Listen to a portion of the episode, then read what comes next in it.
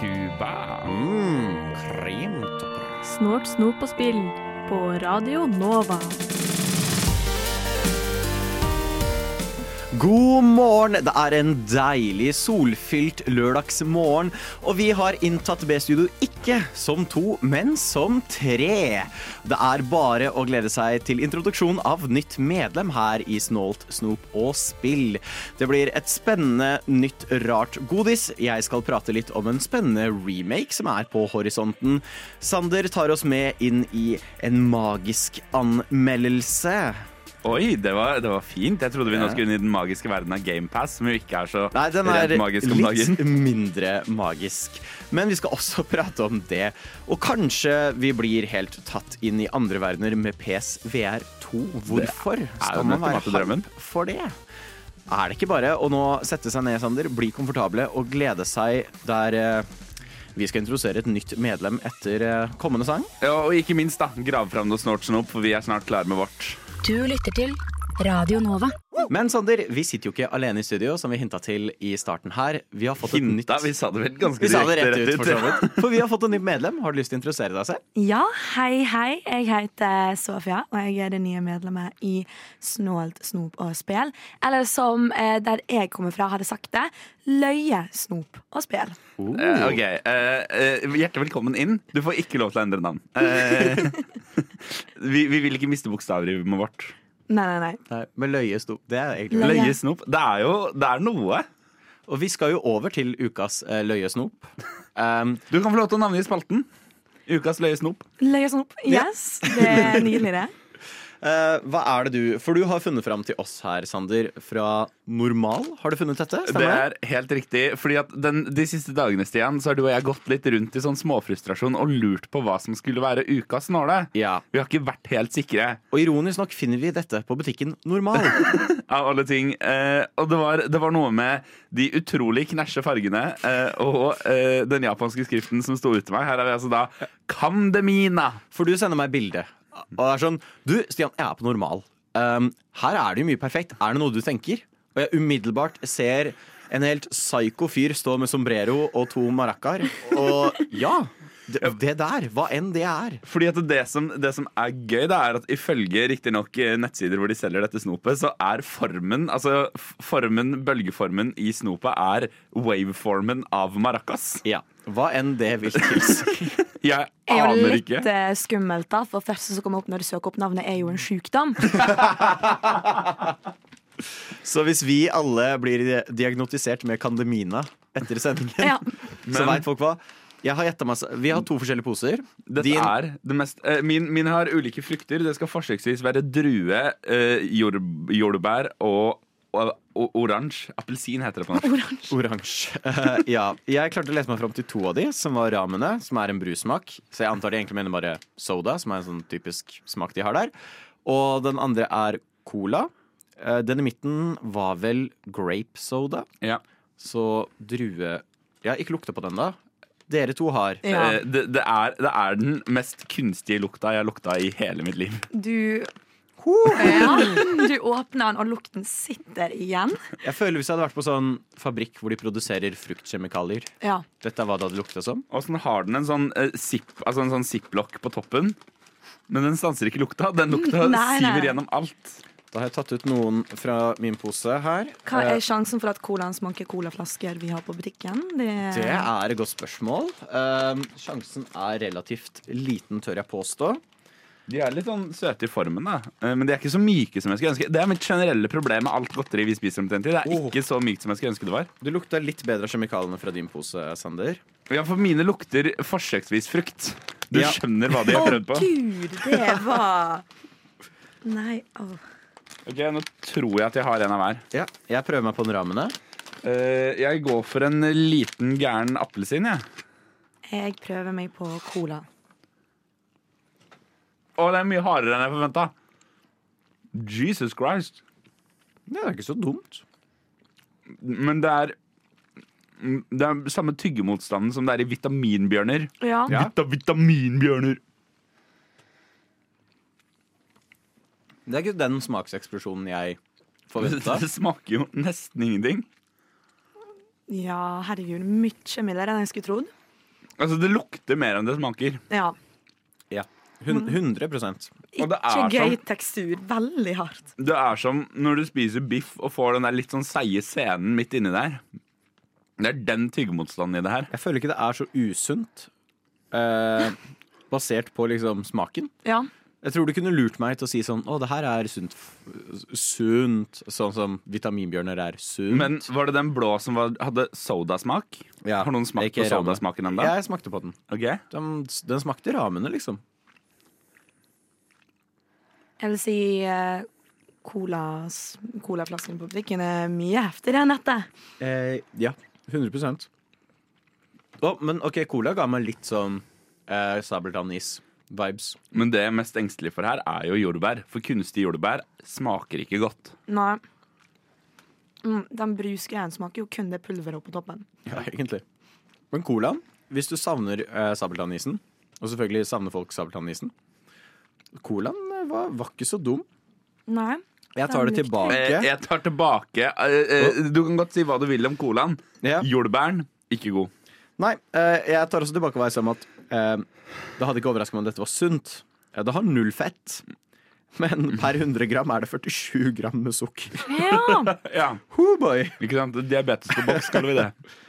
Men ja, nei, det er jo Men det som er mest forstyrrende med dette, er den tyggemotstanden. ja. For den er helt vill. genuin vitaminbjørner. Vitaminbjørner, vita, vitaminbjørner. Altså, jeg blir liksom sliten. Av en måte. Så det er kanskje derfor det er sunt. for Man orker ikke spise en hel pose. Ja.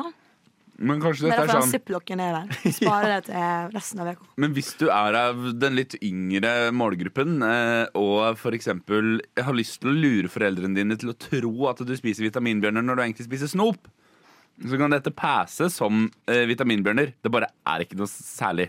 Ja. Kandemina. Yep. Og hvis folk vil vite hvor vi putter kandemina på vår mm, vitenskapelige og patenterte tierlist, um, så finner man det ut på slutten av sendinga. Helt riktig. Så det er bare å glede seg.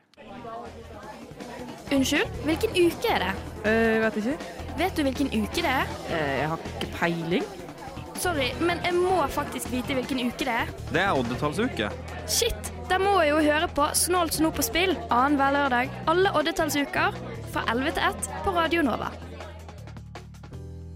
Jeg får en sånn inn, altså en sånn innebygd sympati overfor Lise som å si setningen 'snort snop på spill' hver uh, annenhver annenhver lørdag hver oddetallsuke 11 til 1 på Radio Nova. Det er mye info på Om kort noe tid. så fikk jeg veldig sympati for deg akkurat nå. Sandra. Vi skal nå over inn i hobbyrommet, som er spalten der vi forteller litt om hva vi har spilt siden sist. Og Sofia, du får gå først i dag. Yes. Hva har du spilt siden sist? Ja, Siden sist er jo en veldig god stund for meg, eh, så man får jo spilt en del. Men eh, hvis man skal ta det siste, så har jeg eh, tre spill på lager. Der to av de er ganske gøy å snakke om. Ja. Så jeg kan Og det tredje er helt bedriten til å snakke om. Ja, jeg bare Jeg har ingen mening eller forhold. Jeg orker ikke. Det er bare ja, hoppe, hoppe, over Valorant, ikke sant? Uh, sånn det funker. Um, men jeg senest forgårs sjekket ut det nye snapshotet i Minecraft. Oh, ja! uh, som skal komme ut. Det er da deres eh, 1.20-update. Ja, For, for det er helt vilt. Altså, dette spillet her er 14 år gammelt. Ja, De har holdt på så lenge, og det er fortsatt Kembo populært, liksom. ja, og de fortsetter å lage nye ting. Og eh, Sykt at de kan appellere til stadig nye generasjoner av folk.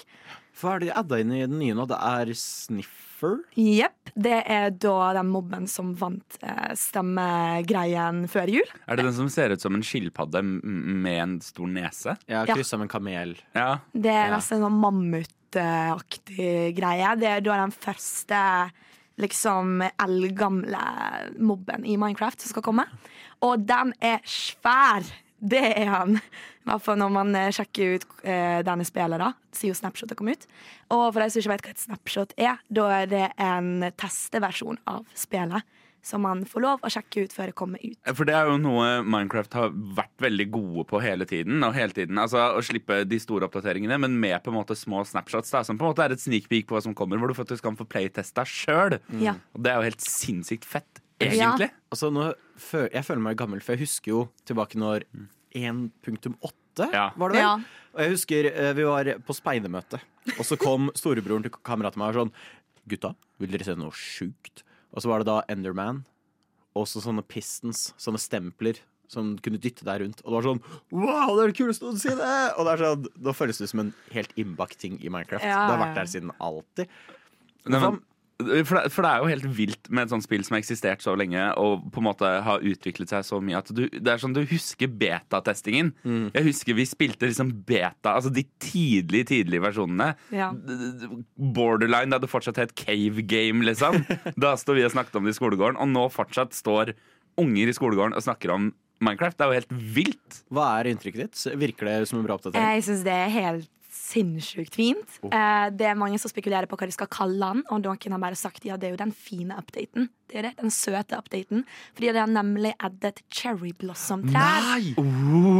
Så alt er pastellrosa, og det er rosa dører og rosa båter. Og selv om det høres kjempemorsomt ut, så er det så fint. For det er nå jeg burde si at det er min som favorittplante slash blomst i verden. Stian er holder nå opp mobilen sin, hvor han har et eh, dekkskjell dekket av cherry blossoms. Det er sånn noe av det fineste som fins. Så nice. Hva, hva er det andre du har spilt? Uh, ja, utenom Minecraft så har jeg spilt Overcooked 2. Oh, Aleine eller med noen? med noen. Ah, ja, okay. Ja. Uh, jeg hadde jo aldri hørt om det spillet før. Jeg har kun fått det både anbefalt og levert til meg i Steam-innboksen. Men det er noe av det mest stressende jeg kanskje har spilt.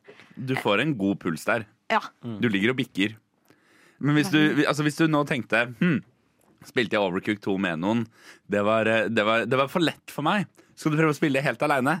Da er pulsen og bikker opp i 350 slag i minuttet. Det er helt Ja, ja. vilt hvor stressende det blir. Man får jo ikke med seg noe, men samtidig så blir det ganske real time til å jobbe i uh, mat, Ja. vil jeg si. Men hvordan syns du det funker? Altså, Hvordan er forholdet ditt nå til denne personen du har spilt Overcooked med? Hater dere hverandre? Mm, altså, nå spiller jeg da med mitt uh, gode, fine familiemedlem, kusinen min, som jeg spiller de fleste spill med. Eh, så eh, det går litt eh, krangling her og der. Men eh, det går fint. Vi ordne opp i det, for vi må jo møtes til julaften uansett. Ja, ikke Sant. sant? For det er vel et av de spillene vi hadde med i Spill for å ødelegge vennskap. Jo, det, det, det er godt mulig at det står på lista der, ja. Det, det er utrolig gøy. Men det er det der punktet hvor ting går overcooked. ja men Yep. du sitter Hvor jo, du sitter jo sånn. Nei, men du skal ikke dit, menneske!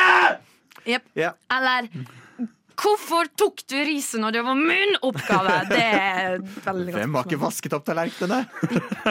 Det er egentlig veldig god trening før du starter i kollektiv. Ja, Sett deg ned med de tre eller fire du skal ha kollektiv med.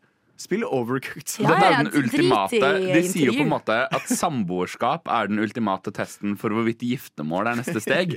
Men Overcooked 2 burde jo være den ultimate testen for hvorvidt samboerskap er neste steg. Ja. Så vi får satse på i hvert fall at det ikke skaper noe større splittelse før jul. får nå håpe det. Det er en god aroma. Altså, dette var himla godt. Og kanskje det er marsipan. Jeg tenker sjokolade. jeg. Sjokolade. Det er sånn du får på gamlehjemmet. Mm. Dette er det beste vi har smakt så langt. Det det Jeg mener dette er Det S-tier. er det S-tier. Jeg Ja. er helt enig. Nå sitter du med en boks hockeypulver i Yes. hendene. Spis det. Der hørte du Tiger State med Back to You. Um, men det er vel egentlig Back to me, eh, dessverre. Um, for alle som Det der, ikke vil det, høre der, på det. det der gidder jeg ikke. Nei, jeg så det Det, fikk det, vondt. der, Jeg er ikke, det det der humoren vi driver med i dette programmet. Uh, vi skal inn i mitt hobbyrom. Um, og det føles rart å si uh, til meg sjæl hva har jeg spilt siden sist? Vil vil du at jeg skal spørre deg? Veldig. Hva har du spilt siden sist, Å, Stian? jeg er så glad du spurte, Sander. Um, jeg har spilt oh, Outer Wilds. Um, ikke til å blandes med spillet som er i samme sjanger, som kom ut samtidig, som heter The Outer Worlds. uh, uh, veldig lett å forvirre de to. Um, Dette høres jo rent ut som noe sånn Activision Blizzard-opplegg. Å, 100 Det er ekstremt forvirrende. Outer Worlds, da, veldig bra spill, eh, men ikke det spillet jeg har spilt.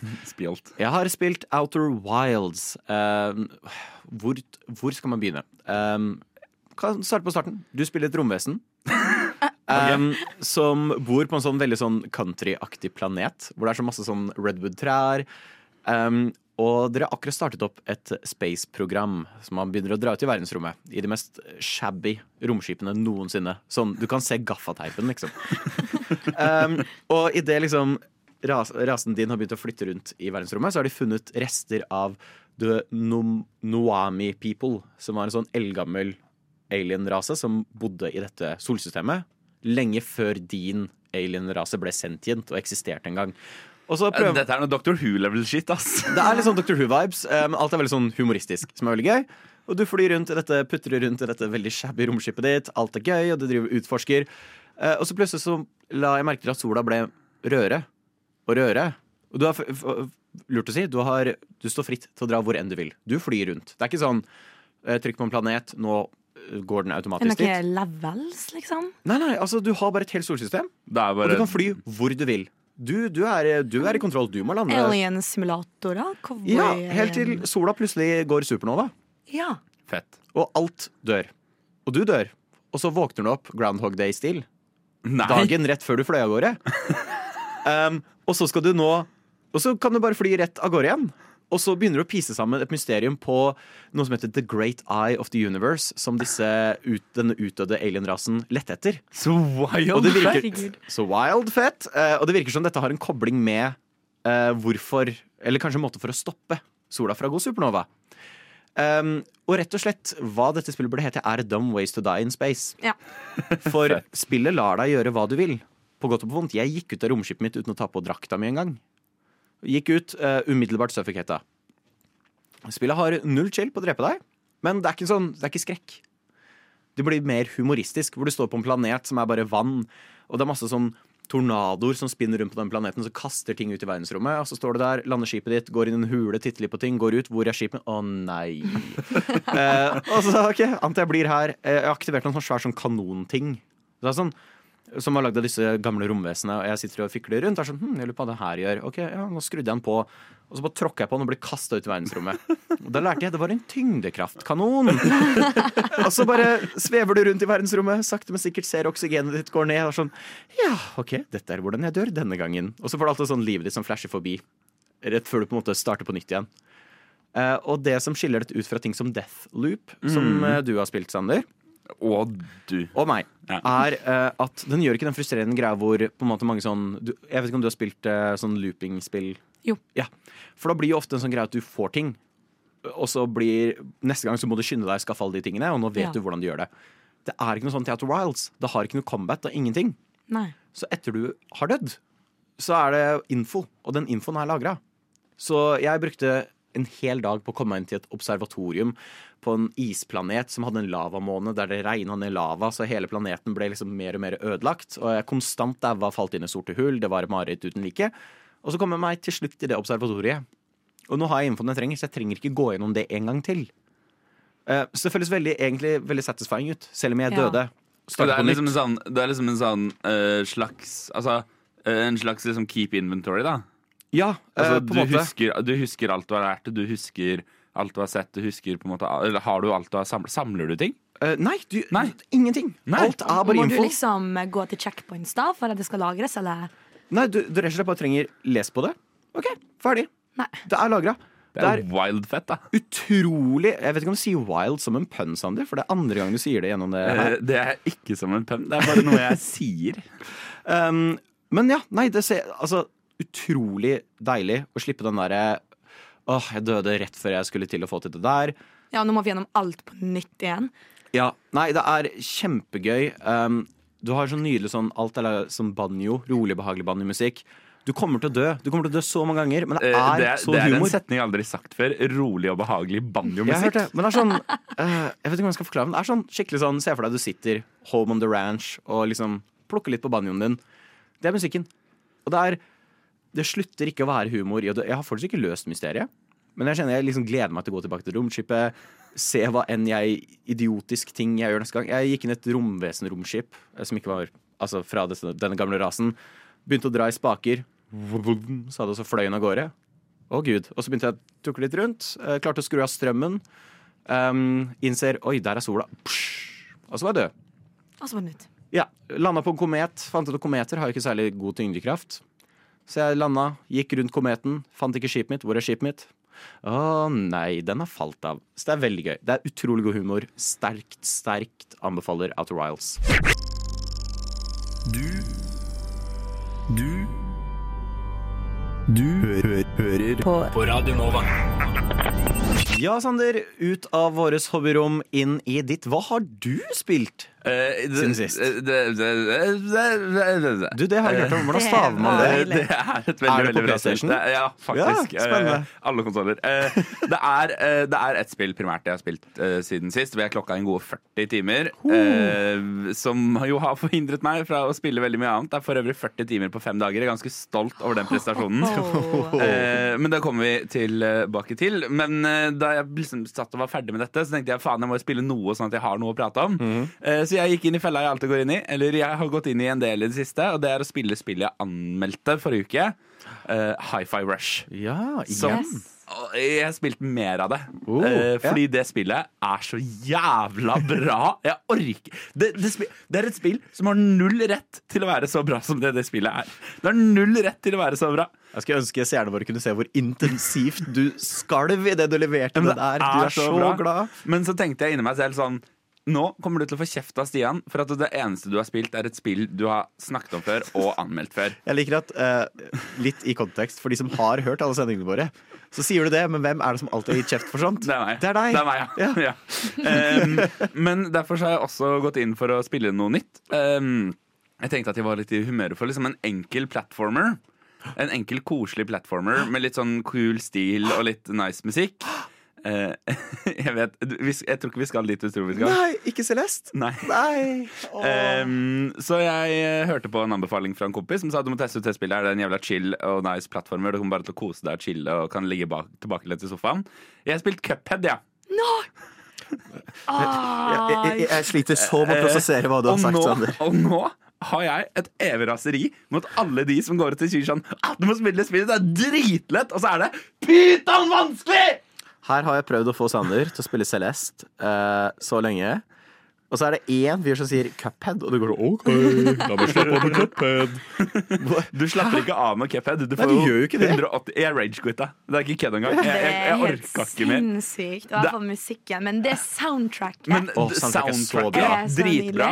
Artstylen, dritbra. Yep. Gameplayet provoserer meg nævlig jævlig. Hvis jeg ikke tar feil, jeg tror de faktisk pantsatte huset sitt, de som lagde spillet, for å lage spillet. Det- altså, For det det- kosta så mye å animere det. Men det spillet er dritbra. Altså sånn eh, Artstyle-messig. uh, Gameplay-messig. Jeg, jeg tilgir det ikke. Sorry, ass.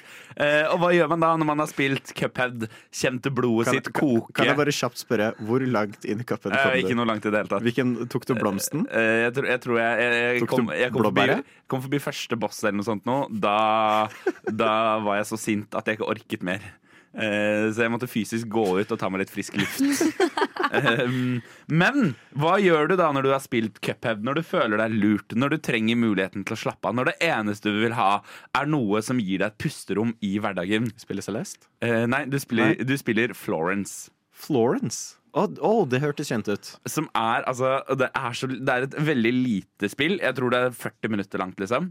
Hvor du eh, på en måte følger historien til da The Titular Florence. Idet hun på en måte skal ut og pushe seg selv ut i verden.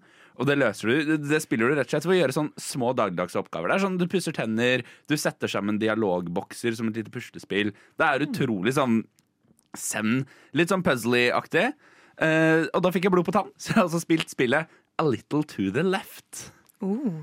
Og Stian, når du hører tittelen A Little To The Left, hva slags spill tror du vi skal til? Jeg, jeg tenker sånn dansespill. jeg. A little to the left, a little to the right. Ok, eh, Nok om det. Eh, Sofia, hva tror du vi skal til når du hører tittelen A Little To The Left? Jeg ser for meg skrekkspill, jeg. Jeg orker ikke dere to! Nei, jeg spiller ikke skrekkspill. Jeg spiller det det et utrolig koselig lite puzzlespill. Hvor du skal gjøre klar en leilighet for et par som flytter inn. Og du skal oh. sortere liksom Du skal sortere ulike ting oppi verktøyskasser. Og du skal justere på bildene sånn at de står helt rett. Og du skal luke plantene sånn at de kan vokse og bli store. Og For- du skal passe på så ikke katten din ødelegger alt sammen. Får du sånn melding fra liksom eh, utleier som er sånn eh, Den sprekken var ikke der når du flyttet inn. Det må vi trekke fra depositumet. Nei, Nei, for, ikke det? for det er ikke den typen. Det er, ikke den typen. Det er, det er bare masse, masse små puzzles du skal løse. Så det er sånn det motsatte av uh, unboxing. Ja.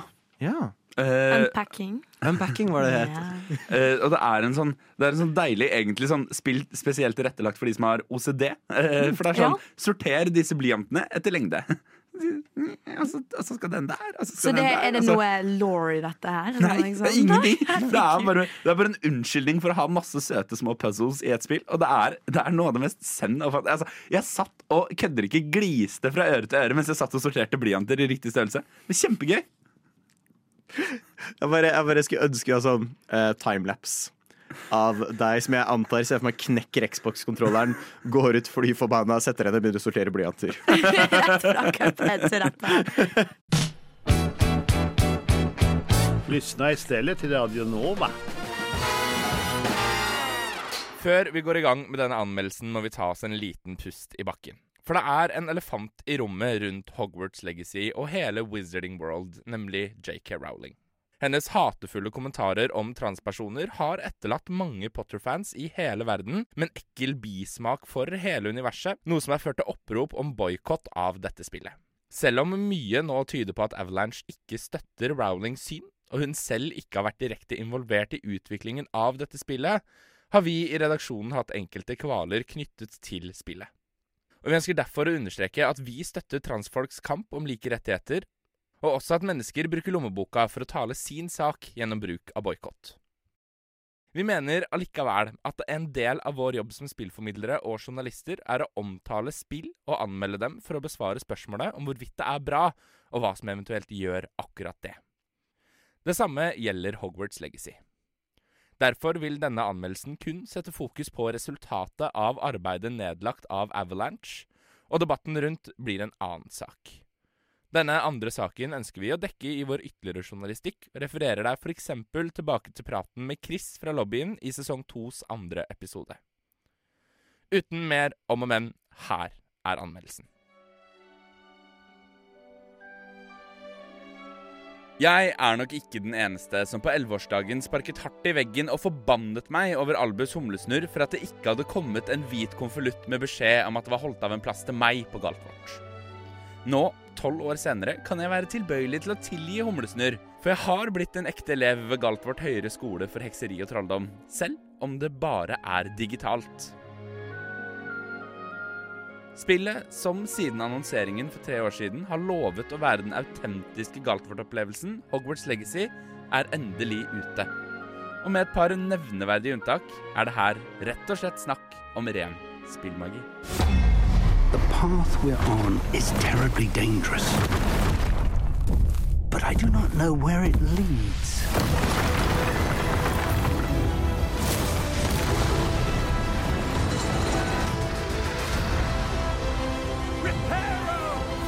Afraid you're on your own. I've ensured that we have a moment to ourselves. Hogwarts Legacy åpner fra de første minuttene virkelig døren inn i den magiske verdenen. Og når du nå skal finne din plass på skolen, er det som akkurat den du vil. Du skaper din egen karakter før du er klar til å møte den magiske verdenen 100 år før bokseriens tid. Men det er en liten tvist her. For i motsetning til de andre nybegynnerne på skolen som starter i første klasse i 11-årsalderen, trer du rett inn i femte klasse som 15-åring, uten at spillet egentlig legger spesielt mye innsats i å forklare akkurat dette. Men det er ikke bare den sene skolestarten som gjør deg annerledes enn de andre elevene. Det blir også klart at du innehar magiske krefter ingen andre har, uten at det faktum at du er den utvalgte, trøkkes opp i trynet ditt, som i så mange andre historier. Og akkurat dette viser seg å være en fordel, for det er et mørkt plott som ligger og lurer i bakgrunnen. Etter spillets prolog, en timeslang sekvens som fungerer dels som opplæring i spillets teknikker og dels som en introduksjon til historien, befinner vi oss på stedet vi alle har drømt om å finne vår plass, på Galtvort. Og vips, så er vi i gang. Det blir klart at hovedmålet er å utforske dette mørke og magiske plottet som lurer. Men du må også danne relasjoner til de rundt deg, lære trylleformler for å ta igjen det tapte, og selvfølgelig delta i magiundervisningen. Og akkurat sistnevnte er det nok mange som har gledet seg helt enormt til. Noe som gjør at det er litt skuffende når det ikke er like fengende og engasjerende som ønsket. Eliksirtimen f.eks. går ut på å hive noen ingredienser i en gryte og røre litt rundt, og vips, så har du laget din første eliksir. Og du trenger aldri å gjøre det igjen. Neste gang må du bare trykke på en knapp, og vips, så er eliksiren i hendene dine.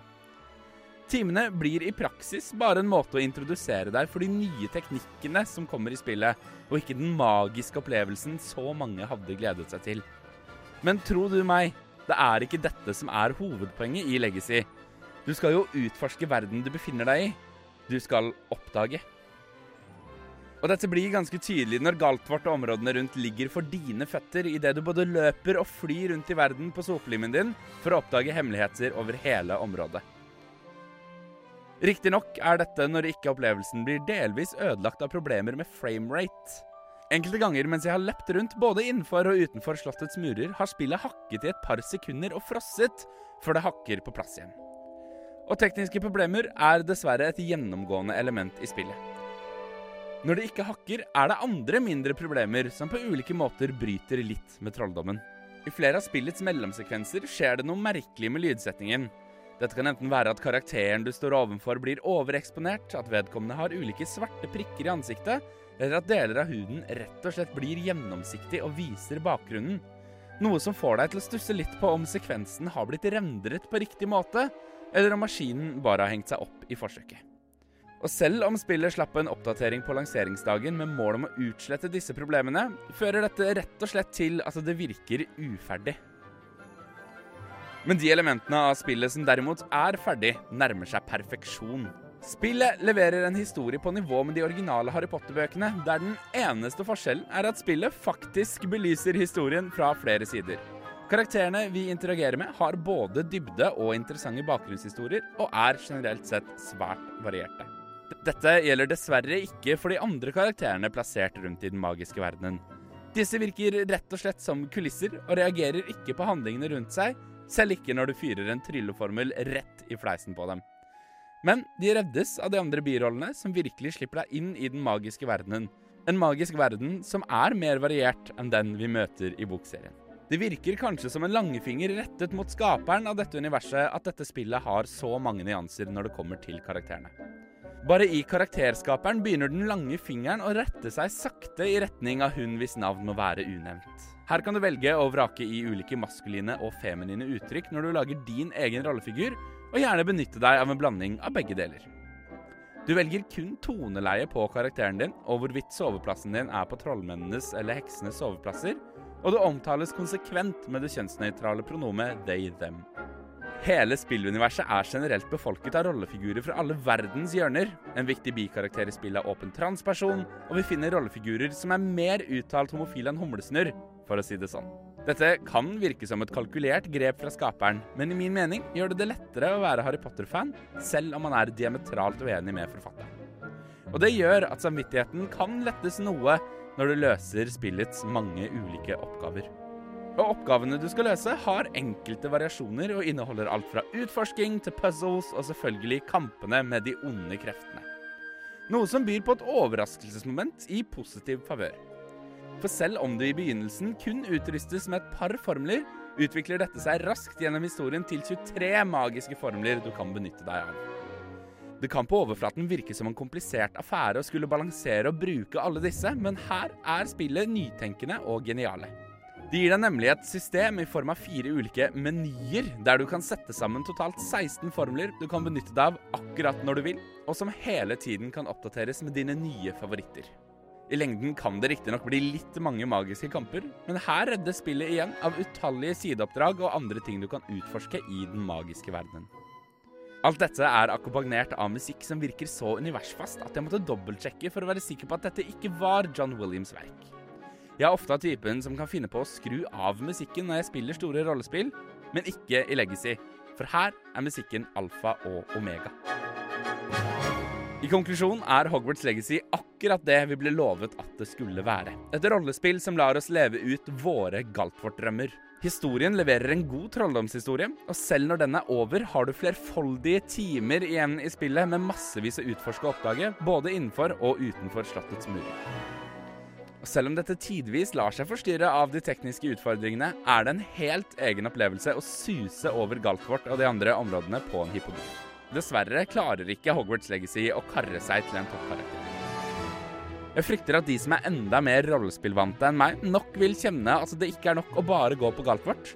Og de som bare vil oppleve magitimene, vil nok også skuffes. Hogwarts Legacy ender derfor på 79 av 100 troikabarer. Med unntak av legospillene har ikke Harry Potter-verdenen klart å lire av seg et ordentlig spill enda.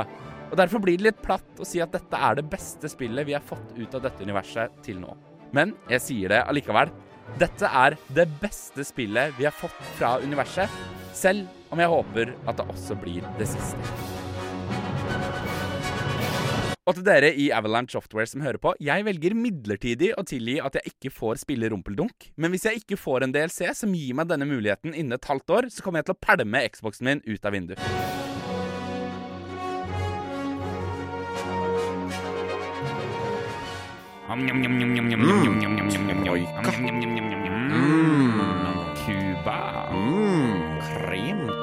Snort, snop og spill på Radio Nova.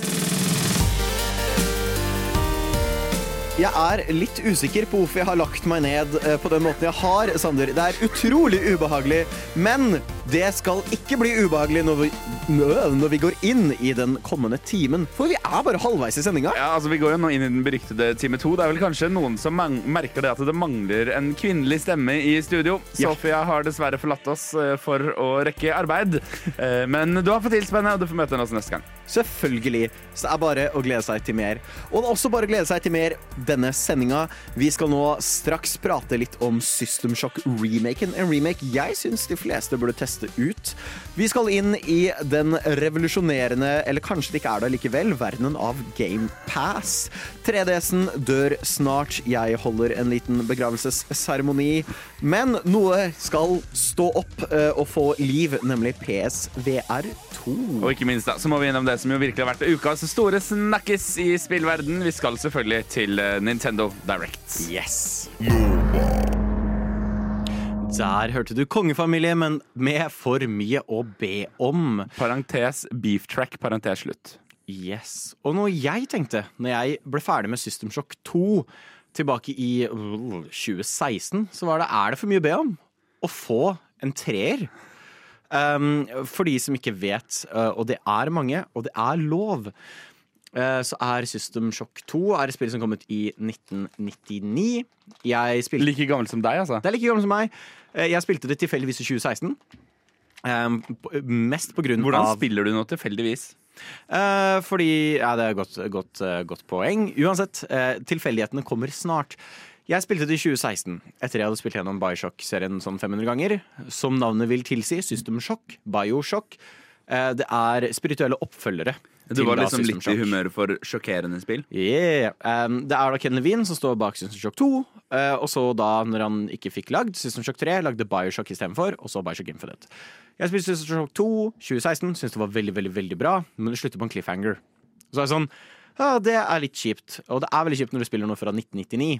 Som slutter på en cliffhanger. Og så er det sånn Well, det får vi aldri. Og Når så, du spiller det 17 år senere. det her er ikke tull. Dagen etter jeg ble ferdig med System Shock 2, så kom traileren ut for System Shock 3. Ok, um, Et spill som altså skulle, eller ble teaset at skulle komme for hva da? Seks år siden? Ja. Ja. Um, av da Night School Studios, som er hvem som har stått bak og rett og slett gjøre det mulig å spille System Shock 1 og 2 uh, på moderne PC-er. Ja. Men um, System Shock 3 var mye å be om. Mm. Det er et svært spill. Ja. De trengte funding. De trengte penger. Men er dette, er dette, for det å be om System Shock 3, er det litt det samme som å be om Half-Life 3? Ja, egentlig. Men eh, Og jeg kommer til hvorfor. System Shock er veldig viktig. Um, det de fant ut, var dette blir vanskelig, så vi lager en remake. Altså en, gjen, en ny versjon av første System Shock, som kom ut i 1994. Ja. Um, og så viste det at det også var et veldig stort prosjekt, uh, så de gikk til Kickstarter. Og etter mye, lang ventetid, Ja. så virker det som at vi får det nå i 2023. Man kan faktisk spille en demo på det allerede. Hvorfor skal jeg bry meg, sitter du kanskje og tenker, Sander. Uh, ja. Det er spill fra 1994. Og hvis du prøver å se på det, hvis du prøver å spille det originalen nå, så er det grusomt. Eh, Ok. Jeg skaffa det etter å ha spilt Susan Shock 2. Um, og det var som å gå gjennom Altså, Susan Shock 2, relativt greit. Bare fikle litt rundt med eh, movement og sånt. Fordi det stemmer ikke overens med hvordan vi beveger oss i spill den dag i dag. Uh, Susan Shock 1 var som å bli kasta inn i en mursteinsvegg. Yeah. Det er veldig utdatert, men et veldig, veldig veldig viktig spill. Disse to spillene er ekstremt relevante. Eh, mesteparten av moderne spill, som Half-Life, hadde aldri eksistert hvis det ikke hadde vært for denne spillserien. Hvorfor? er det lov til å si hvorfor? De har funnet opp de fleste moderne spillmekanikker som vi bruker den dag i dag. Som Um, du kan ta RPG-elementer, altså fra rollespill, sånn som skill-trær, Ja. og blande det med skyting og sånt, Ja. er på en måte funnet opp herfra. Mm. Den ideen om å kunne uh, gå mot en situasjon på forskjellige måter, sånn som Far Cry bruker så mye, Ja. kan spores tilbake mye til System Shock, hvor du valgte forskjellige ting, og måten du kanskje var en hacker. Så kunne du gå forbi et sikkerhetskamera med å hacke sikkerhetskamera, få det til å være på din side, og få det til å ta ut fiender. Eller du kunne bare gå inn mye for våpen, og så skyte det ut, osv. osv. Mm. Veldig, veldig, veldig viktige og historiske spill. Men de har gått veldig i glemmeboka pga. ting som Half-Life. Ja. Som kommet opp på en måte perfeksjonerte det videre. Ja, altså, fordi at Hvis du nå skal begynne å slenge dritt mot Half-Life Å, absolutt ikke! Nei. Absolutt ikke. Uh, og System 2 er genuint et briljant spill. Ja. Men som Kenny Wim fint putta det, fire stykker kjøpte det. Og to av de var han og mora hans, og mora hans spiller ikke spill engang. Det er en for lang historie å ta nå, hvorfor System Shock 2 feila. Eh, men vi kan bruke nøkkelordet EA. Eh, så sier det kanskje seg selv. Beklager for eh, alle som hørte på der. Det er ingenting som gjør meg så provosert som ordene EA. ja, de, Med mindre det er sports. Da er det greit. Ja, det er sant. Ja. Nei, de rævkjørte hele prosjektet, um, som gjorde at ingen kjøpte det. Men det er et genuint briljant spill. Sånn, det ble kritikere som søren. Uh, og nå kommer System Shock, der du spiller som en hacker som blir betalt av en Men eh, pa pause. Ja, Seff. System Shock 3, System Shock 2, System Shock 1. Ja. Ja. Det, det er tre valgalternativer. Du kan ikke svare ja. Hva, hva lurer du Det på? er System Shock 3 som kommer nå. System Shock 1 kommer, lagd på nytt, som en remake, som et moderne spill. Okay, Som gjør det faktisk mulig å spille det uten å få et slag. Det ble Eh, litt mye system og litt mye Ja, ja, sjokk i jeg- jeg systemet. den, Jeg ser det. Eh, så er det første serien der du blir hyrt inn som en hacker for å fjerne moralitetskodingen til AI-en Showdan om bord på en romstasjon som går rundt Jupiter. Ja. Um, for å få en sånn chip putta inn i hodet ditt. Um, og så er det sånn OK, det høres ut som en god plan. Gjør det, og så våkner du opp eh, seks måneder senere. Surprise, alt har gått i shit. Men er dette på en måte Er det samme storyen som vi har i det originale System Shock? Det er bare Det er akkurat den samme historien. Ja, okay. uh, jeg tror de også har fått inn samme stemmeskuespiller for Showdown. Det er jævlig fett. Uh, og Showdown, uh, for de som har spilt Portal, så er Showdown inspirasjonen til GLaDOS. Showdown er en utrolig kul antagonist, ikke for å spoile mye, men hun dukker opp igjen i Sister Shock 2 og er faktisk terrifying. Dette er fra en tid hvor uh, faktisk stemmeskuespill i spill var sjeldent. Ofte Ja. var det de som lagde spillet selv, som måtte gå inn og lage stemmer. Og det er en utrolig stor kvalitetsforskjell når du spiller Sister Shock 2 og hører uh, alle de forskjellige skuespillerne, oss som er bare de forskjellige developerne. Og så kommer du til Showdown, som sender grøsninger nedover ryggen din. Eh, dette spillet ser utrolig bra ut. Det er ekstremt sånn 90-talls sci-fi med masse forskjellige farger, men det er likevel sånn mørke, skumle, eh, veldig sånn klaustrofobiske korridorer. Og, Mhm. og det er beholdt mye av sånn inventory management, hvor du er nødt til å liksom passe på hvor mye du har på deg. Så du har sånn Men er det, er det, er det uh, bare for å stille alle de dumme spørsmåla Ja, eh. Det er jo min rolle i dette programmet. Er, loot, er dette et spill som har et looting-system som er like provoserende som looting-systemet i alle andre spill? Nei. Nei. For du luter ikke på samme måte som i alle andre spill. Men det er ikke sånn at du liksom får inventoryet ditt fullt hver eneste jævla Av masse gear? Uh, for det er der igjen noe Season Shop på en måte fant opp. Um, men hvis Så du det er ikke bare positive ting som kommer ut av den serien? Jo, fordi de gjør det bra. For det er mer sånn som Resident Evil. Dette er survival horror-spill. Okay. hvor du må passe på f.eks. en hagle tar opp mye plass. Ja. Og du må prøve å liksom ja, ja, ja, ordne sånn at. Å, men jeg kunne egentlig trengt mer av det her, så kanskje legge fra deg. Så du må velge beskyttelse og trygghet. Eller vil jeg ha mer ressurser hvis noe går gærent? Som gjør det veldig spennende, veldig tens, og kanskje du vil putte litt skill points inn i å få mer plass. Mm. Um, så det er utrolig, utrolig bra spill. Veldig spennende. Uh, for de som ikke har spilt det, spill Prey, Ja. som er en spirituell oppfølger. Og er veldig likt System Shock. Og for de som har spilt Play, gled dere til System Shock-remaken. Jeg tror det kommer til å bli fenomenalt. Har vi noe ETA på dette? Du, oh, når det kommer ut? Ja.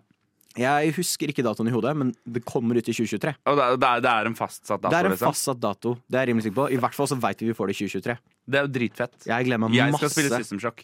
Hvis, hvis det er som du sier, at dette er eh, dette, dette er eh, Half-Life er en slags spirituell etterfølger. Ikke at det er samme storyen, men liksom eh, mye av de samme mekanikkene. Jeg kommer til å elske det. Ja, eller kjapp disclosure der. Ja. Half-Life lærte mye av System jeg. Ja, ja, men altså Ikke en spirituell oppfølger, nei, nei, men de lærte mye. Du, men, men du skjønner hvor jeg vil? Ja. ja.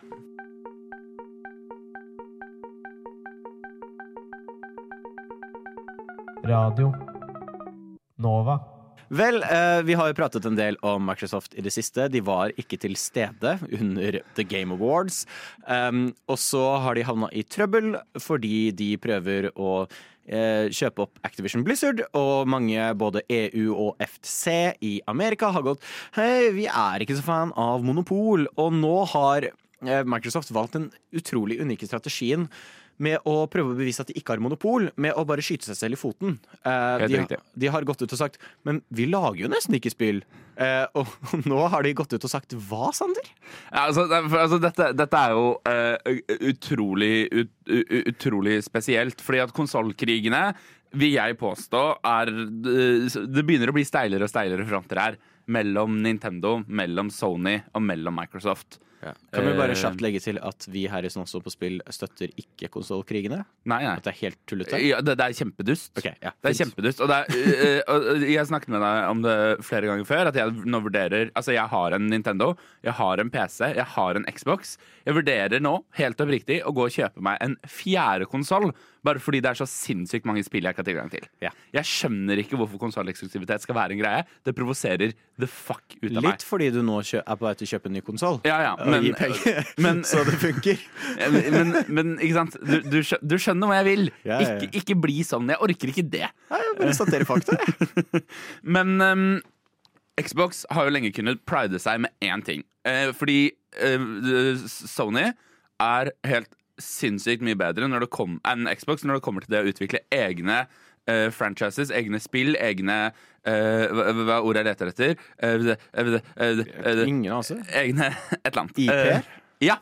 Yeah.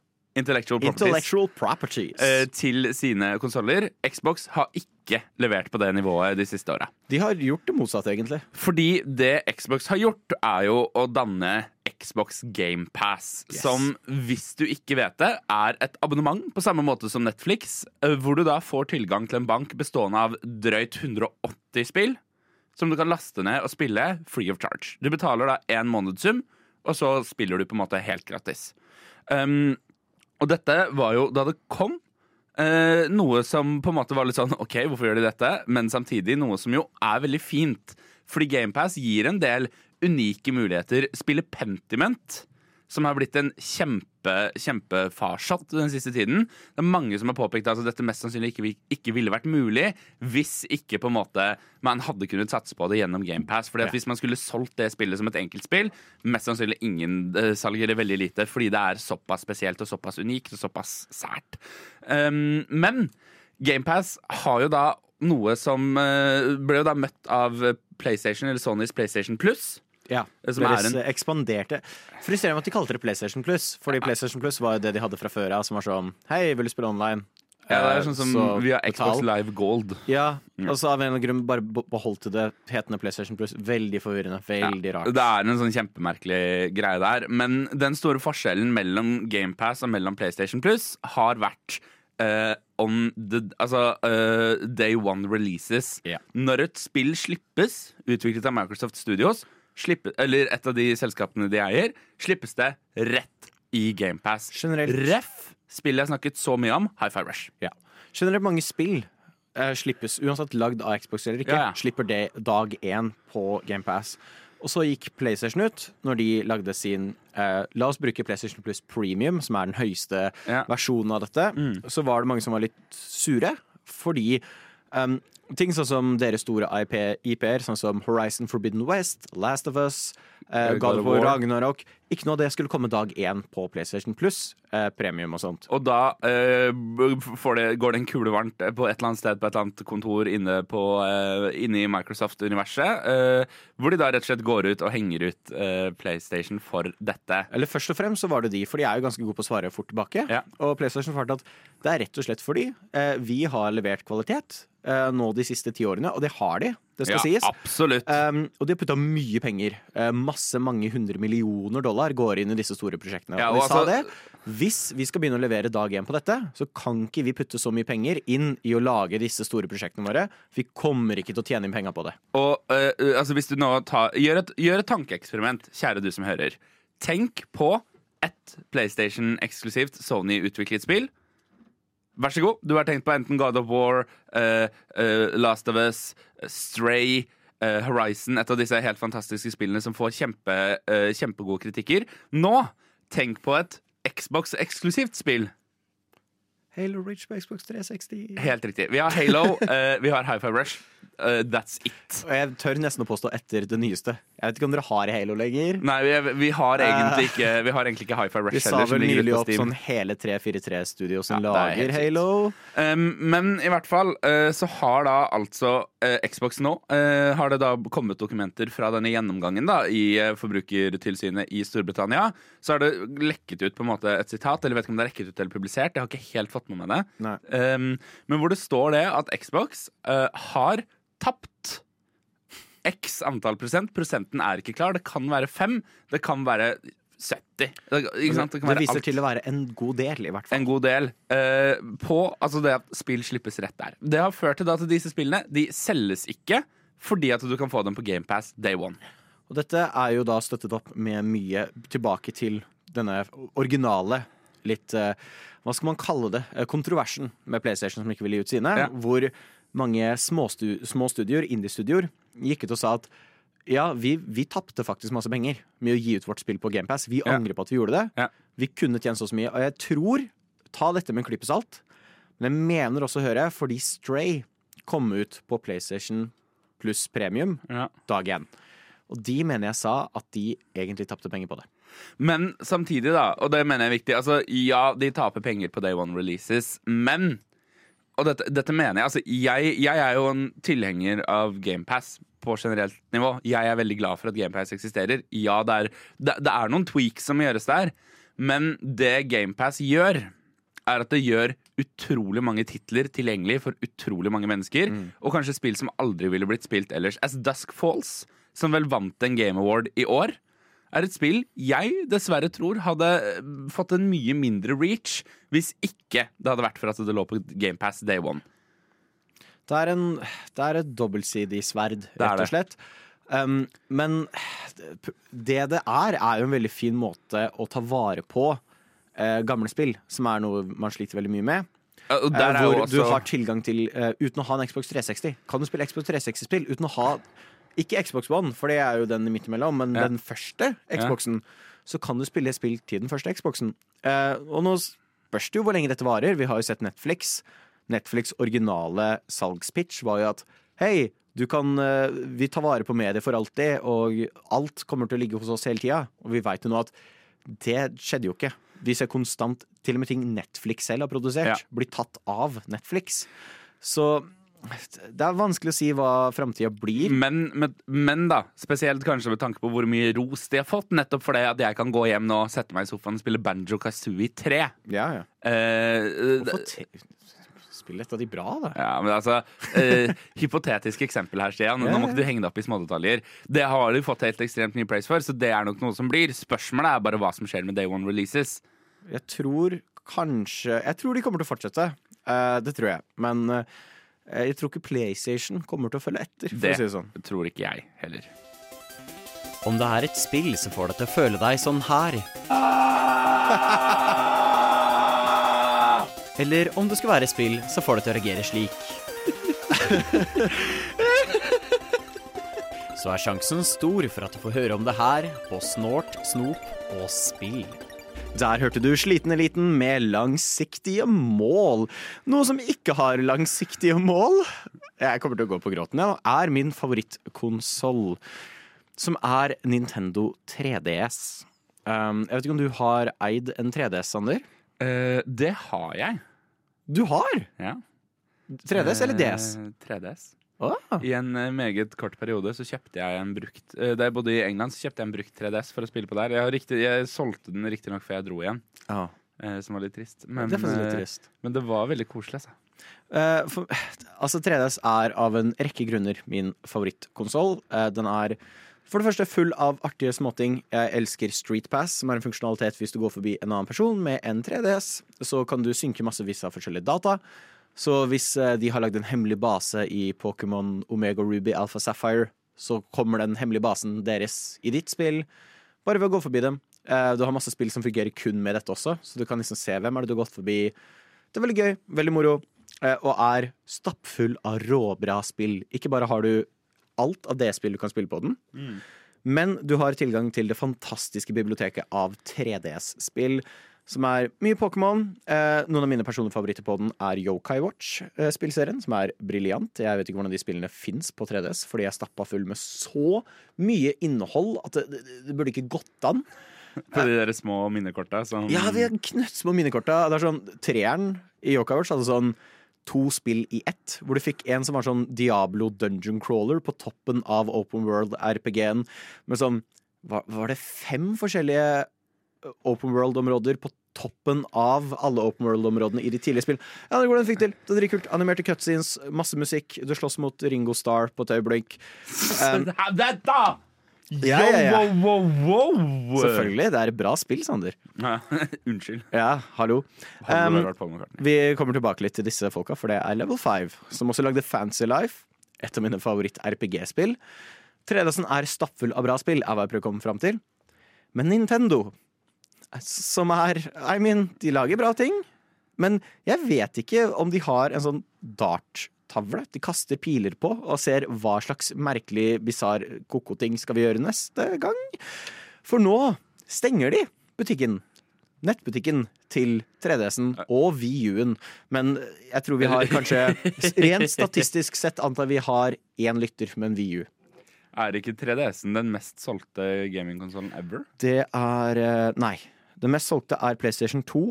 Ja, men DS er oppi der, er det ikke det? Ja, men en DS, ikke 3DS. Ja, ok. Um, Men eh, Stian, yes. okay. kan du nå ta oss liksom gjennom Altså sånn, for, for oss som ikke har en eh, 3DS i hendene akkurat nå, um, hva betyr det at uh, den, altså online-storen eh, stenger ned? Ja. Um, det er jo vanskelig å si. Vi har ikke sett det skje så mye. Det første vi på en måte så av selvfølgelig spillkonsollfolk bryr seg om. Sorry, alle Stadia-fans der ute. um, men vi så det først skje med Nintendo Wii. Stengte for to år siden. Til ganske sånn sterke meninger. PlayStation hadde tenkt å stenge ned PlayStation 3, men det ble så stor uh, backlash at de valgte å ikke gjøre det allikevel. Men når de da stenger ned Fordi at uh, det, det jeg konkret lurer på her Ja. Er det noen forskjell mellom det å stenge ned online-storen, sånn som de gjør med 3DS-en, og altså Google, Google Stadia var jo bare digitalt? Du kan spille spill på 3DS. Uh, Um, men du må ha cartridgen, da. Du må ha cartridgen om du ikke har kjøpt det online. Du vil fortsatt uh, til, i en udefinert periode ha mulighet til å gå inn på nett og laste ned ting du eier fra før av. Ja. Men hvis du vil kjøpe noe, uh, så må du gjøre det nå. 27. mars stenger den butikken. Ja. Um, og jeg virkelig anbefaler til alle som har en 3DS og som er glad i den, um, skaff deg et stort minnekort og last ned så mye som overhodet mulig, for det er et så fenomenalt bibliotek. Det er Persona-spill der, Ja. og det er masse spill du bare kun får tak i på 3DS. Det fins ikke noen andre steder. Mange av det, mye av det er online eksklusivt, som betyr det blir borte for alltid. Ja. Um, og det som er ekstra kjipt, er at dette er Nintendo, og Nintendo-spill er dyrt. Ja, Jeg hadde egentlig tenkt å ta med deg en sånn bitte liten spillsamling jeg har, Sander. Med uh, Det er vel fire Pokémon-spill i boks Ja. til DS. Mm. Jeg vil du skal gjette verdien, cirka. Spiller vi The Price Is Right? Vi spiller The Price is Right. Gjett verdien på de fire spillene. Ja. Spørsmål. Ja. Verdien nå, eller verdien uh, da de ble kjøpt? Hver, når de ble kjøpt, så kosta hver av de sånn 500. Ja. Hva er verdien nå? Eh, du nevnte for meg i stad eh, tallet 10 000. Eh, jeg tror ikke det er verdt eh, 10 000, men jeg tror det er verdt 7000 norske kroner. Du kan få ca. 8000-9000 for de. Det er Det er fire. fire. Det er wild. Eh, jeg har sett Pokémon-spill gå for 4000. Bare den, som er helt latterlig. Uh, Yokai Watch 3, som jeg nettopp nevnte, som kom ut i 2018, ble solgt på retrospillmessa for 3500. Det er så wild. Og det det kan du fortsatt kjøpe vilt. online. Det er så vilt. Så med en gang denne butikken stenger, så mister vi da muligheten til å få tak i disse spillene. Og da det jo- må du gå på Finn og skaffe det til de latterligste prisene som fins i verden. Så det blir jo da på en måte per defo døden. Ikke på Oslo S, men for Nintendo 3DS. Ja, og det er det som er litt synd, fordi det er så mange spill der jeg sitter og anbefaler folk. Altså, og du må spille Fancy Life. Fancy Life, eh, Vi kommer til det etterpå. Får nå endelig en oppfølger på Switch. Mm. Har du lyst til å spille originalen? Nå må du snart punge ut kanskje 5000 for det. Mm. Det er helt tullete. Så sterk, sterk oppfordring til alle som sitter der ute og har en 3DS. Skaff spillene du vil ha nå før 27. mars. Uh, ja, kan kan hende det kommer til å svi for lommeboka for mange, men det kommer til å være verdt det. For hvis ikke så kommer det til å svi mer. Uh, Neo Tokyo har selger Ocarina of Time, 3DS-remaken, til 250 kroner. Jeg tror ikke de vet hva de sitter på. Uh, så for de der ute som er interessert i det, løp dit og skaff deg noen av de få kopiene som er igjen. Radio nå. Der hørte du um, Der hørte du Die West med Better Ways. Ja, eh, du vet hva, Det er faktisk mitt favorittband. Det er jeg veldig glad i, de òg. vi har jo Går det bra? Nei. Nei? Nei, de gjør ikke det. Var det, var det maracasene som inntraff i halsen, eller hva? Eh, nei, men Det kan være at jeg har litt berlinerboll-vaniljekrem oppi nesa nå. Ja, Så for de som nå lurer, så har Sander medbrakt berlinerboller. Fordi det er stemningen som er i studio. Det er maracas og berlinerboller. Men dette er jo da eh, altså sånn, Bare sånn at du som ikke er innlemmet i dette, skal innlemmes i dette med en gang, så prøver jeg hver gang vi har sending å ta med en ny type bolle. Eh, ja. Er dette, altså, ja, ja, Nei, dette er, en dette her er ikke en- en del av programmet vårt. Sanne, bare gjør det. dette er noe jeg har eh, med Han trenger hjelp. Er du en psykologistudent der ute og vil forske på Sanders bolleavhengighet? Send oss mail. Du kan kontakte oss på snop og spill at radionova.no. Eventuelt uh, snalt snop og spill på Instagram. Yes. Uh, vi skal holde oss i verden av Nintendo litt mer. Fordi for det var jo en nyhet forrige uke som virkelig ja, var den jeg vet ikke om folk fikk det med seg. Nei, det er jo ikke- det er jo ikke på en måte det store, da, men- Nintendo hadde en av sine klassiske directs. Oh, ja. For de som ikke vet hva en Nintendo Direct er. Det er en slags fancy eh, pressekonferanse der Nintendo bare viser fram Her er masse spill, vær så god. Innimellom så går det sånn Her er ting ingen bryr seg om. Og så er det sånn OK, why? Men denne gangen var det mye folk brydde seg om. Det var en gigantisk Nintendo Direct. Og vi burde kanskje gå rett på den største greia. Ja. Nemlig eh, Legend of Zelda, Tears of the Kingdom, oppfølgeren til Breath of the Wild, Ja. har nå fått en ordentlig trailer. En gameplay-trailer. Og jeg har jo, altså dette har jo vært en slags in, in, en, Jeg vil ikke si en intern vits, for det er jo ikke en vits. Men jeg har jo hatt Nå må du trå varsomt. sånn. Ja, ja, men altså, jeg har jo hatt uh, mine tvil om hvorvidt uh, altså, Tears of the Kingdom i det hele tatt kommer i år. Jeg har vært ganske sikker på det at det ikke kommer, fordi at Nintendo har holdt tett, tettene så kort til manne. Brystene. Uh, holdt kortene så tett til mannebrystene at det har vært helt umulig å liksom vite om det kommer. Yeah. Nå kommer det. Nå tror jeg på det. Det er greit. Nintendo, jeg tror dere. Eh, nei, det har jo vært eh, ekstremt spennende. Jeg har nok trodd at de gjør det, for jeg tror Switchen synger litt på siste året nå. Oi! Nei, altså, jeg tror nok de snart kommer til å komme ut med en ny konsoll. Switchen er fra 2017. Den er sånn seks år gammel nå. De fleste konsoller varer sånn sju til åtte år. Så jeg føler nok at det var en sånn Ok, nå må vi skynde oss å få den ut. Um, men eh, det virker bra. Men jeg har mine bekymringer. Altså, Breath of the Wild er jo uh, Jeg er jo ikke Jeg, jeg, jeg legger kortene på bordet med en gang. Jeg, jeg er ikke sånn veldig traversed i veldig mye gamle Nintendo-spill. Jeg har vel spilt Ocarina of Time, Link to the Past. That's it. Du vet at Breath of the Wild ikke er gammelt? Nei, nei, men Nei, altså, okay, okay. Ja, ja, ja, ja. Men altså, jeg, jeg har hatt veldig lite med Nintendo-universet å gjøre generelt, da. La meg si det sånn. Jeg, bare bare, du liksom Jeg har Eh. ikke spilt Breath of the Wild på Nintendo 64. Uh, det er sjukt at du brukte så lang tid på oppfølgeren. Men uh, Breath of the Wild er jo på en måte hailed som et av de beste Uh, spillene. Ja. Jeg har spilt Breath of the Wild ganske mye. Det er veldig gøy. Eh, Det mista meg litt etter en stund, men jeg storkoste meg den tiden jeg spilte Mm. det. Eh, Jeg hater Core Rocks så jeg håper ikke de er med i oppfølgeren. De små drittene. Uansett. Um, det jeg er bekymra for litt her Traileren virker veldig kul. Ja. Det virker som mye mer story. Jeg håper Selda er med denne gangen. Um, fordi etter å ha spilt Links Awakening, som er mitt favoritt-Selda-spill, etter mine favorittspill på Switchen, veldig, veldig bra, så likte jeg veldig godt å ha faste karakterer som var med på eventyret veldig mye.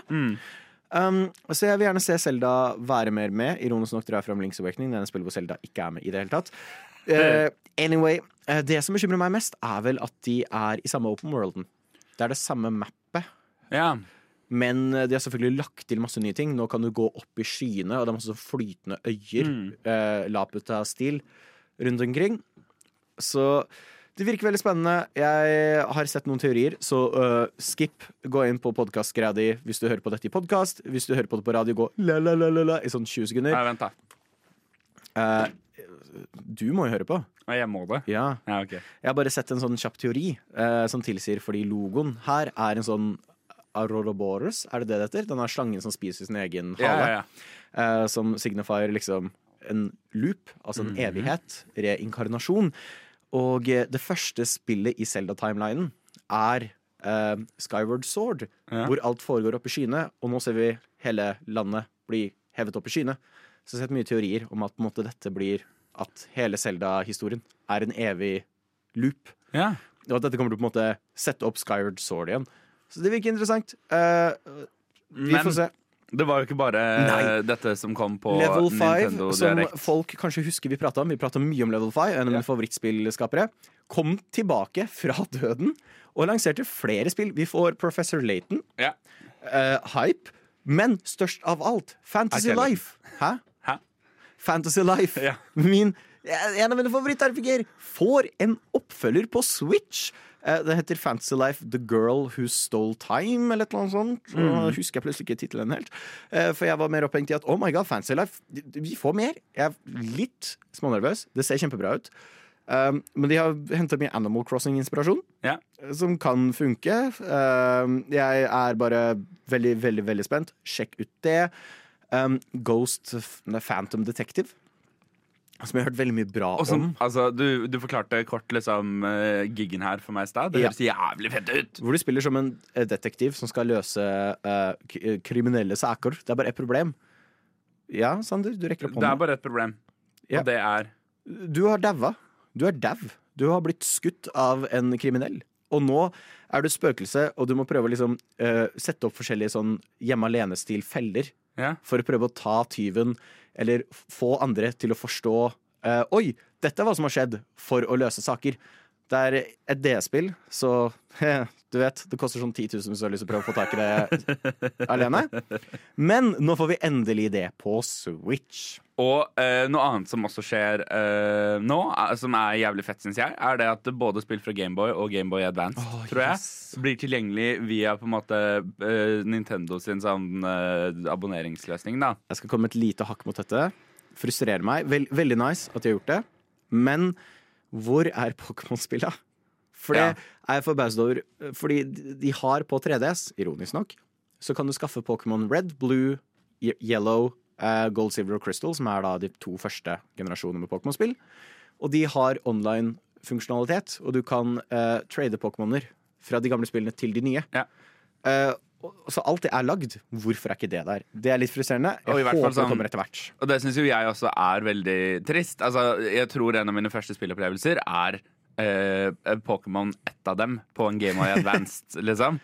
Hvor, vi, Ja. altså, hvor det var sånn vi gjemte oss inne i hundehuset når vi måtte gå ut. Og satt inne i hundehuset og spilte Xbox, liksom. Ja, oh, Eller nei, Xbox, Xbox. eh, Gameboy. Så jeg, jeg, jeg veldig, veldig veldig håper at det kommer etter hvert. Men det er fortsatt utrolig nice at vi får dette.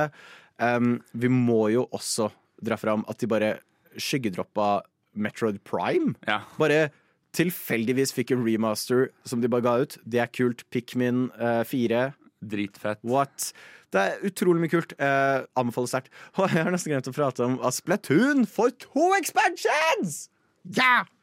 Unnskyld, jeg er bare veldig gira. Splatoon Ja. får to expansions. Én er litt usikker på hva er. Du kan dra tilbake til det første hub-området fra eneren. Jeg vet ikke helt hva vi skal gjøre der, men det virker kult. Men den andre har de ikke gitt navn på. Og det skal være en svær story-greie med masse sånn kult, unikt narrativ. Det ser sykt dope ut. Eh, så ja, se Det er med andre ord veldig mye bra som kommer til Nintendo den nærmeste tiden. Radionova er best. Alle andre er tapere. Radio Nova. Der hørte du My Friend Joe med sangen som handler om det eneste Nintendo ikke viste fram under sin direkt, nemlig fake nudes. Stian, du kom hit i dag på Nova før meg. Ja, det stemmer. Eh, og da jeg kom inn døra, eh, så var det plutselig som det gikk opp en slags epiphany for deg. Og du geeka ut på noe av det sterkeste nivået jeg har sett. Ja. Uh, og uttalte noe sånt som Jeg kan ikke tro at jeg neste uke får PlayStation VR2 med et eget Horizon-spill! Ja, du glemte Horizon i VR! Fordi uh, PlayStation VR2 kommer ut 22. februar. Det er onsdag Ja. neste uke. Ja. Med da Horizon Call of the Mountain. Som er da et Horizon-spill i uh, VR. Og det er jo Altså, uh, jeg, vi, vi har skjønt, Stian altså, det, Og dette er ikke kødd engang. I pilotepisoden, yeah. første pilotepisode til dette programmet, Yes. så snakket du om hvor hype du var for PlayStation VR2. Ja. Uh, jeg er veldig glad i VR. Um, jeg husker min første opplevelse med VR. Jeg syns det var fenomenalt. Um, jeg skaffa meg PlayStation VR 1, sparte opp mye penger til det. Og det var veldig gøy. Det hadde sine problemer her og der, men det var en god og billig måte å oppleve VR på den tida. Og til alle de som sitter der og er litt sånn Fordi jeg føler man ofte ser folk som er sånn Å, det er bare en gimmick, og det er ikke noe Si ifra til meg når det er faktisk VR-spill ute. Um, de kan ikke akkurat VR, fordi det er så mye bra VR-spill der ute. Vi har jo nå til og med sett Half-Life Alex som kom ut. Ikke Eh. snakk til meg om Half-Life Alex. Nei, nei. Men poenget er det er veldig mye bra VR-spill ute. VR er ikke en gimmick lenger. Det er noe som kommer til å være Det kommer ikke til å ta over spill. Eh, absolutt ikke. Men det kommer til å være en liten sideting sammen med spill. Akkurat som vi har bærbare spill, så har vi også nå VR-spill. Og det er altså Det er bare å glede seg, fordi PlayStation VR2 eh, Tech-folk har jo fått tak i det nå og gitt sine meninger, og det har bare fått ni av ti og ti av ti. Og eh, vi kan vel Vi røper vel ikke for mye hvis vi nå sier det at eh, eh, du har lovet meg at vi skal spille PlayStation VR2 sammen. Ja, 100 Eh, og jeg er på ekte hyped, for jeg er av typen som er litt sånn OK, men VR er Det er jo bare en slags gimmick et eller annet sted inni der. Det er jo bare det er, det, er, det er jo egentlig ikke noe spesielt. For problemet med VR er at det går ikke an å vise det fram eh, på noen skjerm. Så du kan prøve å forklare det. og det er det jeg prøver å sitte og gjøre nå. Og det høres gøy ut, men det er den opplevelsen når du har spilt Den opplevelsen når du står i Skyrim i VR og du hopper og slår knyttneven i taket for du glemmer at Ja. du, hvor du er. Når du faktisk faller på gulvet for å dukke unna en pil, og du har hoppet ned fordi du glemmer hvor du er. Det er en så genial opplevelse. Min favoritt-VR-greie er å sette folk i Star Wars Battlefront og se reaksjonen deres når en imperialsk Star Destroyer kommer ut av hyperspace over de. Det er alltid det samme sjokk, sånn wow. Ja. Og nå tar VR2 dette til det neste nivået med å bruke Hva er det de kaller det? Tactile uh, controllers, hvor du da kan igjen føle ting i hendene dine. Ja. Og de har eh, mulighet for å lese hva du gjør med hendene dine. De tok nettopp og annonserte at det kommer et uh, rytmespill hvor du spiller trommer til PlayStation VR2, Ja. hvor den bruker øyesporing. Så hvis du lukker øynene og spiller eh, med øynene lukket, så får du bonuspoeng, f.eks. Wow. Uh, og mye andre spill har liksom fortalt at å, vi skal bruke hvor du ser, som en spillmekanikk, osv. Og eh, eh, ditt Et av de spillene eh, nå, nå er jeg typen som syns man skal slutte å spørre folk hva favorittspillet ditt. Ja. Eh, for det er et spørsmål som er clean fuckings umulig å svare på. Jeg- Men hver gang du får det spørsmålet, og vi er i samme rom, så nevner du Horizon. Ja. Bioshock Infinite og Horizon Forbidden West. Og personen er fem, hvis du skulle lure. Ja, men det er lenger ned på lista. Ja. Um, og liste. du får altså Day One-release. Ja. Horizon Call of the Mountain. Det er tydelig at PlayStation satser stort her. Uh, fordi Horizon, det, det skal ikke skjules på at det er en av de største IP-ene de Ja. sitter på nå. Det satte jo salgsrekorder, det første spillet, som en av de raskest selgende nye IP-ene noensinne. Eh, og toeren slet ikke akkurat med å selge kopier, den heller. Aloy er å finne på fronten av så mye promomateriale for PlayStation. Det er blitt synonymt. Eh, og faktum at de nå ikke har bare putta det her på et tilfeldig studio, men Gorilla, som lagde det første og det andre, har vært med på å lage dette, sier litt om at det er ordentlig satt inn eh, De har prøvd. Dette Mm. er noe ordentlige greier. Det har en historiemodus. Um, jeg har sett at Aloy dukker opp. Så det er en faktisk historie som har en tilknytning til spillet. Det er Åh, åh jeg gleder meg! Men um, Stian, Ja. tre ting du ønsker deg i PlayStation VR 2. Uh, ok. Um, tre ting Jeg velger å ta tre ting jeg ser fram til og håper blir så bra som det er sagt. Kontrollerne. Eh, jeg hatet vibratorkontrollerne til eh, første PlayStation VR, som egentlig var designet for noe helt annet. Um, som trengte et kamera. Så sekundet du snudde deg med ryggen til dette kameraet, så bare forsvant hånda di utover horisonten. Det var hysterisk morsomt. Uh, å bare se hånda mi bare uff av gårde. Men det tok deg vel ut av øyeblikket. Og når VR handler om å selge deg på at du er der, så var det frustrerende. Og det også var veldig irriterende hvis det var en kul kamp eller et eller annet, og ikke kunne snu deg ordentlig rundt. Var frustrerende. Så jeg gleder meg til de nye som spores av headsetet selv. eh, Så du kan ha mye mer fri bevegelighet. Du kan legge deg ned på gulvet. Du kan hoppe enda høyere, eksempel. Det skal bli nice, og jeg gleder meg til denne følelsesgreia. Det er jo, Folk har pratet om at du kan plaske i vann, og du kan føle hånda di bryte overflaten. Du kan føle du tar tak i buestrengen når den dras tilbake, og du skyter med bue. Headsetet har eh, samme opplegget, så når maskiner i Horizon beveger seg, så kan du føle liksom eh, støtet, eller hva man skal kalle det, da, fra de tråkker i nærheten av deg, så føler du den der, det trykket. Så jeg er veldig, veldig spent på det. Ok, Ting nummer to. Ting nummer to um, oh, Nå føler jeg du sa litt for mye på en gang. Ja, Det var er veldig, egentlig to ting igjen. jeg er veldig spent på uh, hvordan alt ser ut. Ja. Uh, originalet igjen var fint, men kvaliteten på grafikken var ikke så bra. Eh, denne nå samarbeider ekstremt godt med PlayStation 5 og har mulighet til å gi oss 4K-bilder eh, i 120 bilder i sekundet, med mye større eh, det som kalles field of view enn hva den originale hadde. Og i tillegg eh, HDR10, som er sånn 10 gasillioner farger. Og den bruker øyesporingen for å kunne hyperfokusere, sånn at du, hva du ser på, får så god grafikk som overhodet mulig. Ok, Kjempespent på det. Ting nummer tre. Ting nummer tre, Jeg er veldig spent på spillene til det. Det virker som de virkelig pusher ut mye mye kule kvalitetsopplevelser. Kjempespent på Horizon. Det kommer et Star Wars-spill. Veldig spent på det. Vi får um, Jurassic Park. What the hell? Uh, så jeg gleder meg til det. Og jeg, de har snakket om å også ta flere veldig kritikerroste PlayStation VR 1-spill. Og komme ut med nye versjoner av det til toeren. Okay. Veldig spent. Håper vi får God of War. Tre ting som kommer til å gjøre at du barberer av deg skjegget i frustrasjon. Eh, De har en ny kabel som er veldig liten, plugger inn i headsetet. Ikke heng den på siden, sida av huet, sånn som de gjorde med den originale. Det var en veldig svær kabel som hang på sida av huet. Det var veldig irriterende. Den følte den liksom nappa der, og armen din hang seg fast i den. Please heng den på baksida av huet, og den virker tynn. Jeg håper ikke den er tung. Så bare, bare en lang kabel som ikke er i veien. Ok, Um, Ting nummer to. ja, Tracking funker bra. Uh, som sagt, jeg vil ikke oppleve at hånda mi bare drar av gårde på ferie i Malta uh, idet jeg slåss mot en drage. Det er veldig frustrerende, uh, så please, ikke gjør det. Og nummer um, tre. som ser ut som er noe de har faktisk prøvd å fikse på, det er komfort, uh, komfortabiliteten. Det originale var ekstremt behagelig å ha på seg i forhold til mange andre VR-headset, men uh, den har en slags type ja, Hva kaller man det? Sånn skum uh, Basically, man ble veldig svett hvis man hadde på det over lengre tid. De har putta inn en vifte og prater mye om at de har putta inn masse for å på en måte forbedre det. Så rett og slett at det er behagelig å ha på over lengre perioder. Så nei, det blir veldig spennende. Eh, kanskje du Hvis folk går inn på Twitch, søker opp eh, Snalt, snop og spill, så skal de finne oss der. Kan hende vi streamer eh, dette. Så verdt å følge med på der.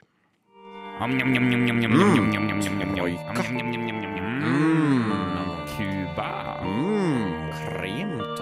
Snort, snop og spill på Radio Nova. Og med, og med det så var det alt vi rakk for i dag. Dessverre. Det er, eh, det er jo det tristeste øyeblikket av en sending vi har kommet akkurat nå. Det er Nå må jeg det. hjem, og så har jeg da altså eh, eh, Det blir om 13 dager og 22 timer til jeg skal tilbake inn hit og snakke mer om spill med deg. Men det er bare å glede seg. Folk har fått møte vårt nyeste medlem, Sofia. Hun er tilbake igjen sammen med oss om to uker. Da har vi også spilt masse nye spill. Men for å holde seg litt oppdatert, kan jo folk følge oss på sosiale medier. Kan ikke det, Sander? Hvor Det- finner de oss da? Helt riktig, du finner oss på Instagram. Der heter vi Snalt Snop og spill. Og folk kan sende oss en mail på hvilken mailadresse? Eh, jeg husker bare den jeg ikke får lov til å si. Snop og Takk. spill at radionova.no. Du finner oss også selvfølgelig hvor enn du hører på podkast. Vi må også rate det snåle snopet. Kandemina. Det havner lavt for meg. For meg så er det vel på en s- hmm, A, B, C, D Jeg vil sette det på en C, kanskje? Ja, jeg kan backe den Altså, det er der. ass. helt greit å spise. Det gjør ikke vondt, men det var ikke sånn Wow, det beste jeg har smakt. Helt enig. Vi havner på en C. Så da fant vi ut av det. Og tusen takk til alle som har hørt på. Håper dere får en fantastisk fin helg videre. Ha det bra!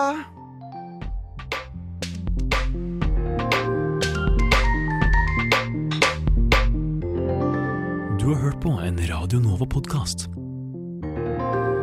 Du finner flere podkaster i din foretrukne podkastavspiller eller på vår hjemmeside radionova.no.